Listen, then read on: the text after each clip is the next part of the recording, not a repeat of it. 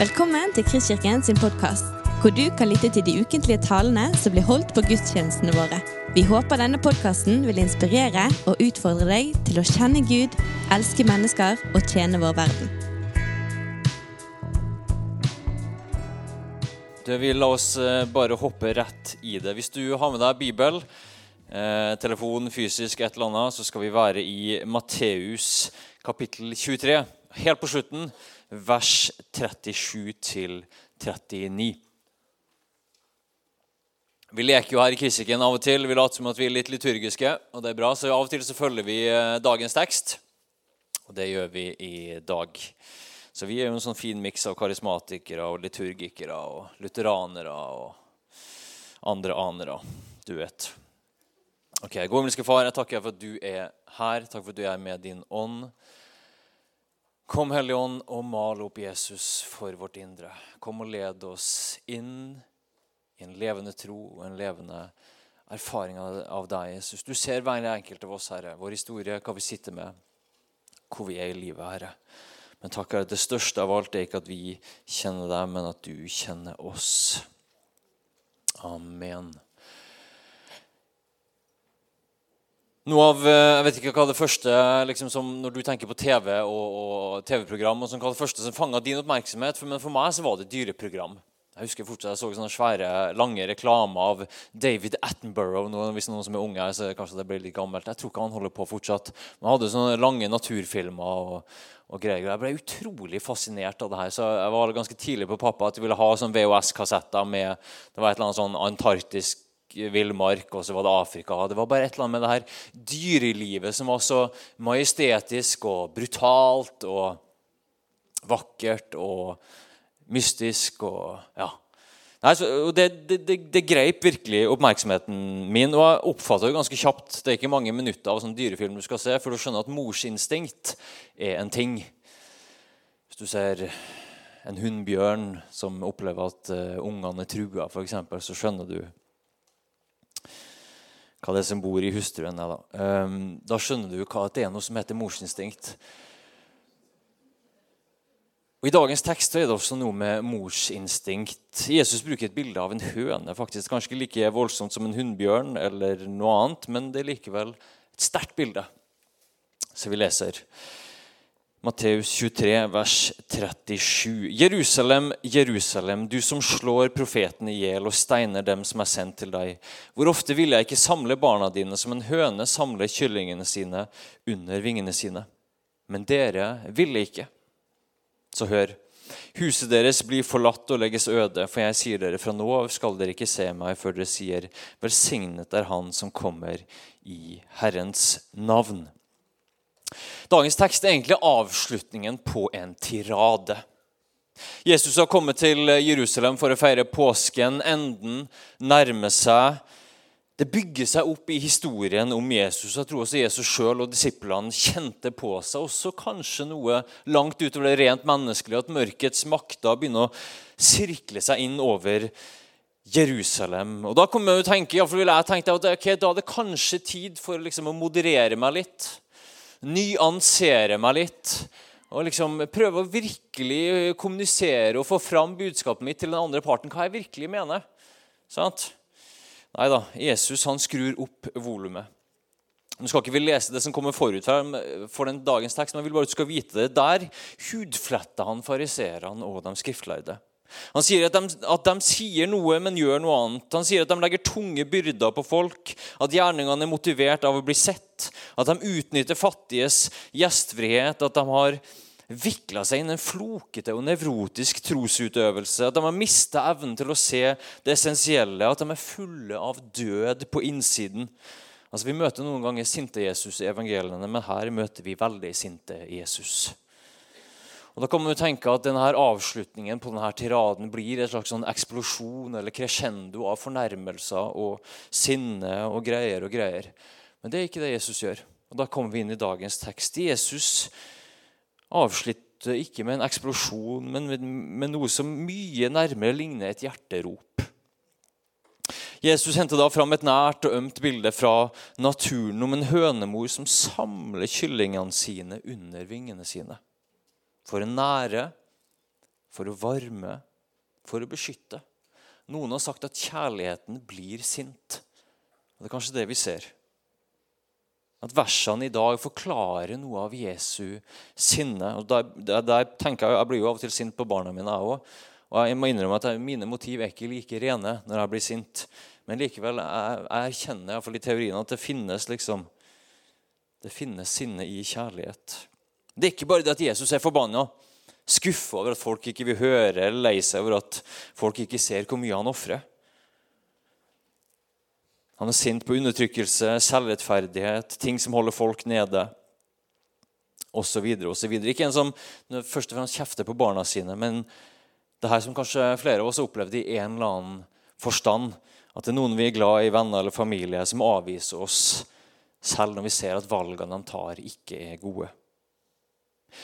Men i Jesus' i tilfelle så skjer det noe som antageligvis ikke skjer i naturen. I fall ikke skjedd på noen av naturfilmene jeg har sett på. og det er at Kyllingene vil ikke søke ly under hønemor sine vinger. Det er jo kanskje det såreste punktet i dagens tekst. Men dere vil ikke. En utstrakt hånd blir avvist. Og alle det her så har vi fått flere punkter som sier oss noe viktig om Gud. For det første at Gud lengter etter oss. Gud lengter etter deg. Man vet det er litt sånn eh, emosjonelt ord for dem som er opptatt av å være mandige. og sånne ting. Men Gud lengter. Gud lengter. Jeg tror nære, varme og beskytte oss. Jeg tror vi må tenke at Det er bevisst at Jesus bruker dette bildet, som også da så til de grader kommuniserer morsinstinkt. Og vi vet at Når vi snakker om Gud, så må vi, vi må være forsiktige med ord, fordi Gud er forbi alt vi kan fatte. Så ordene våre blir alltid bare metaforer. Vi kan ikke si 'Gud er'. Jeg tror vi kan si 'Gud er kjærlighet', for det er det klareste vi har i Skriften. Men det blir alltid 'Gud er som'. For at språket vårt kommer til kort. Men da kan vi si med stor, stor overbevisning at Gud er som en far. Men vi kan også si med stor overbevisning at Gud er som en mor. Gud har omsorg som en mor. Og Dette er beskrivelser fra Skriften. folkens. Gud ruger. Gud trøster. Den er jo safe. Gud ammer. Se for deg det, du.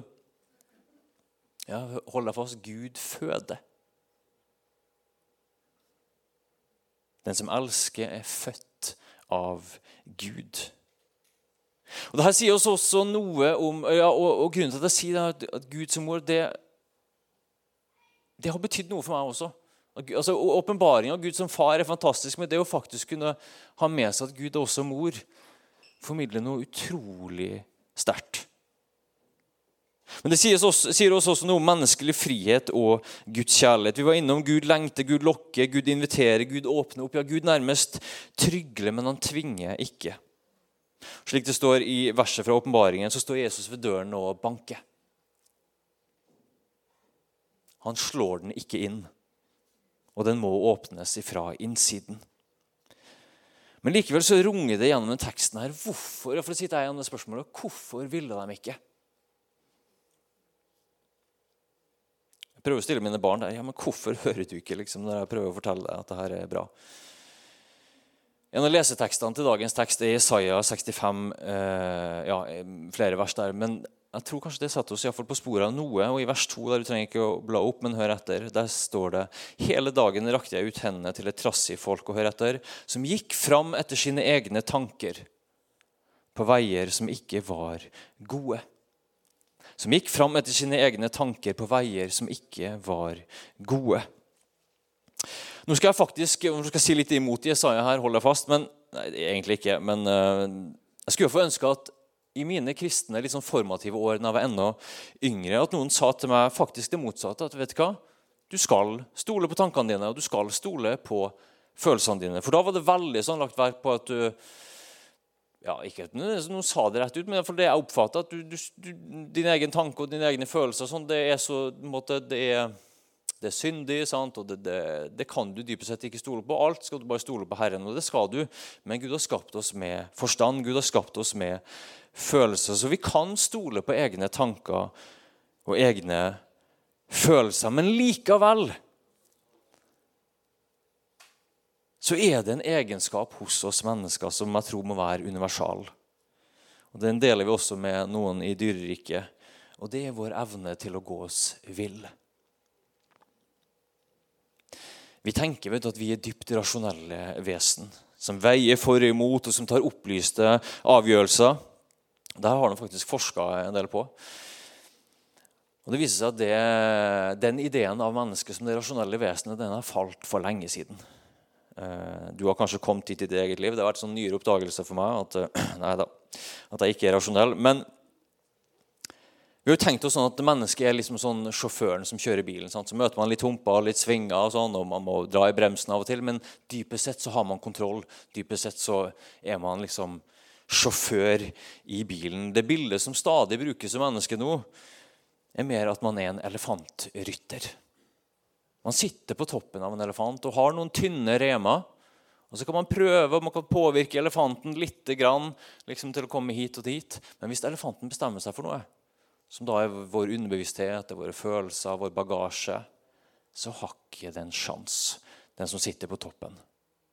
Og I tillegg da, for å komplisere bildet så har vi da en sånn rask evne at vi rasjonaliserer valgene våre. Iallfall sier forskerne her. At når vi da tar et valg og elefanten springer ut til siden, så er vi så raske i hodene våre og sier til oss sjøl ja, det var jeg som ga elefanten det liksom kicket for å kjøre ut i siden der og komme med den uh, greia der. Og så man ja, har man rasjonalisert valget sitt i etterkant for å beholde illusjonen om at man er rasjonell.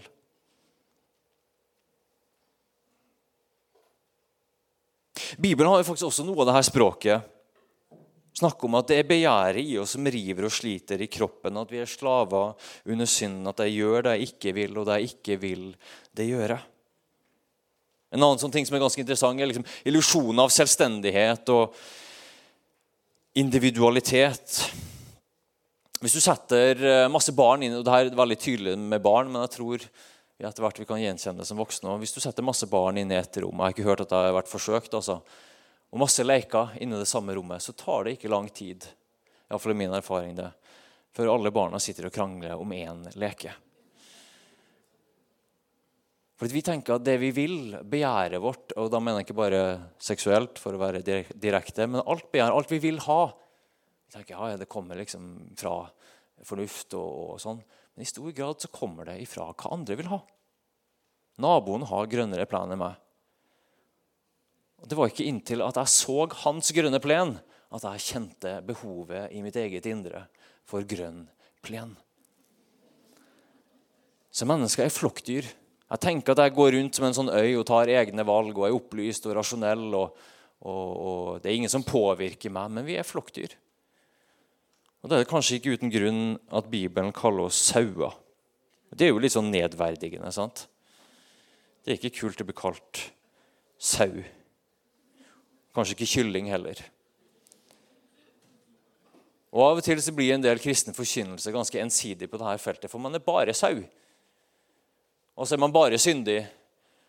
Og så blir man bare liggende liksom ned i gjørma der. Og da må vi ikke være.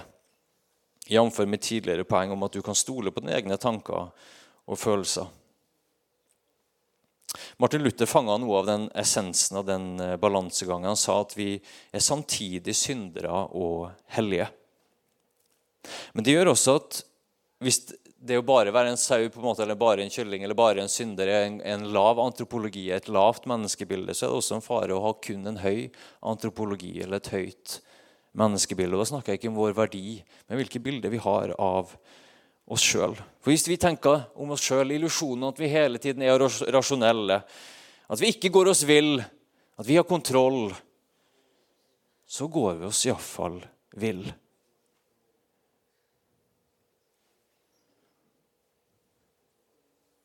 Da kommer det fort noen følgesvenner kalt selvrettferdighet, stolthet, prestasjonsfokus og et liv i illusjoner om egen kontroll, egen styrke og egen prestasjon. Men Bibelen sier, eller først C.S. Lewis sier, at sann ydmykhet er å tenke ja, Han sier faktisk begge deler. Sann, ydmykhet er å tenke sant om seg sjøl. Men han sier også det her om at man må ha en sånn sunn skepsis til seg sjøl. Fordi at man, som Bibelen sier, man, nei, Gud kommer i hu at vi er støv. Vi er skapt i Guds bilde. Man kommer likevel i hu at vi er støv. Gud vet hva vi kjemper med. Han vet at vi er brutte mennesker. Det ser veldig forskjellig ut. Din brutthet kommer sikkert ut på en helt annen måte enn min brutthet. Men vi er alle brutte mennesker. Elska innenfor Gud fra topp til tå mer enn vi noensinne kan fatte. Det er min solide overbevisning. Men likevel brutte. Og Da blir budskapet om at Gud er vår tilflukt, en annen. Salmen 91 sier følgende.: Under hans vinger kan du søke ly. Han dekker deg med sine fjær. Hans trofasthet er skjold og vern. Du skal ikke frykte for redsler i natten, for piler som flyr om dagen, for pest som farer fram i mørket, for plage som herjer ved middagstid. Hans trofasthet er skjold og vern. Når vi er fanga i egne illusjoner om enten skam eller egen fortreffelighet, så søker vi fort, iallfall er det min erfaring, da søker vi tilflukt i våre avhengigheter i våre eiendeler, i våre prestasjoner. Og de vingene som da bres rundt oss, de er harde. Det er vinger som ikke gir ly. Det er uforutsigbare vinger som plutselig tas bort. Og troen til og med blir fort en prestasjon. Men hør etter nå. Nå skal vi gå inn for landing, men hør etter. Hva om troen først og fremst for oss kan bli en tilflukt. At troen ikke er en prestasjon, men først og fremst en tilflukt. Hvordan ville det sett ut i ditt liv? Vi snakker om at, eller Du har sikkert hørt det snakk om ja, at når vi liksom synder, og sånn, så kan det være vanskelig å komme inn for Gud, og vi løper vekk fra Gud istedenfor å løpe til Gud. Men hadde vi gjort det hvis, hvis det var vårt dypeste bilde på troen, at det er ikke en prestasjon? Det som kvalifiserer kyllingen for å komme inn under vingene, er ikke flott fjærdrakt og fått til alt. og sånt. Det er rett og slett bare å være kylling. Men hva om troen din var en tilflukt? Dit du kan gå når det blåser, ikke for at du fikser alt eller har blitt fortjent til det, men bare fordi du trenger ly. For det at vi trenger tilflukt, er ikke noe problem for Gud. Tvert imot. Jeg tror det da troens sanne vesen blir tydelig for oss. At troen ikke hviler på gjerninga, men at det er Guds trofasthet som er skjold og vern. Og Da er det ikke våre mangler som holder oss utenfor Guds vingespenn.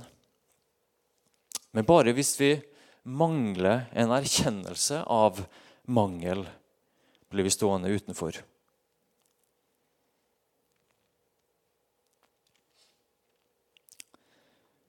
Så kan jeg prøve å si? Jeg tror det er et eller annet med at, ikke, at vi ikke skal være så redd for å være kyllinger da. eller sau. Som har en egen evne til å gå seg vill og vikle seg inn i egen illusjon, nei, inn i illusjoner om egen fortreffelighet. For der er vi jo alle sammen. For Hvis vi kan erkjenne det, både en høy antropologi og en lav antropologi samtidig. Syndere og hellige samtidig. Da vil du også ha en sann erkjennelse av at du trenger ly.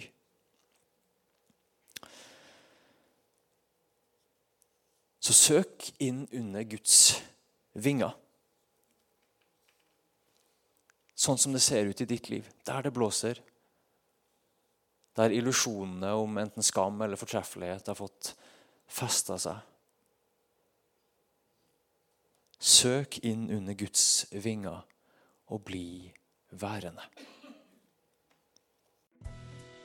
Du har lyttet til en podkast fra Kristkirken i Bergen. Vi håper du har blitt inspirert og utfordret i din vandring med Gud. Vil du vite mer om oss, så klikk deg inn på kristkirken.no.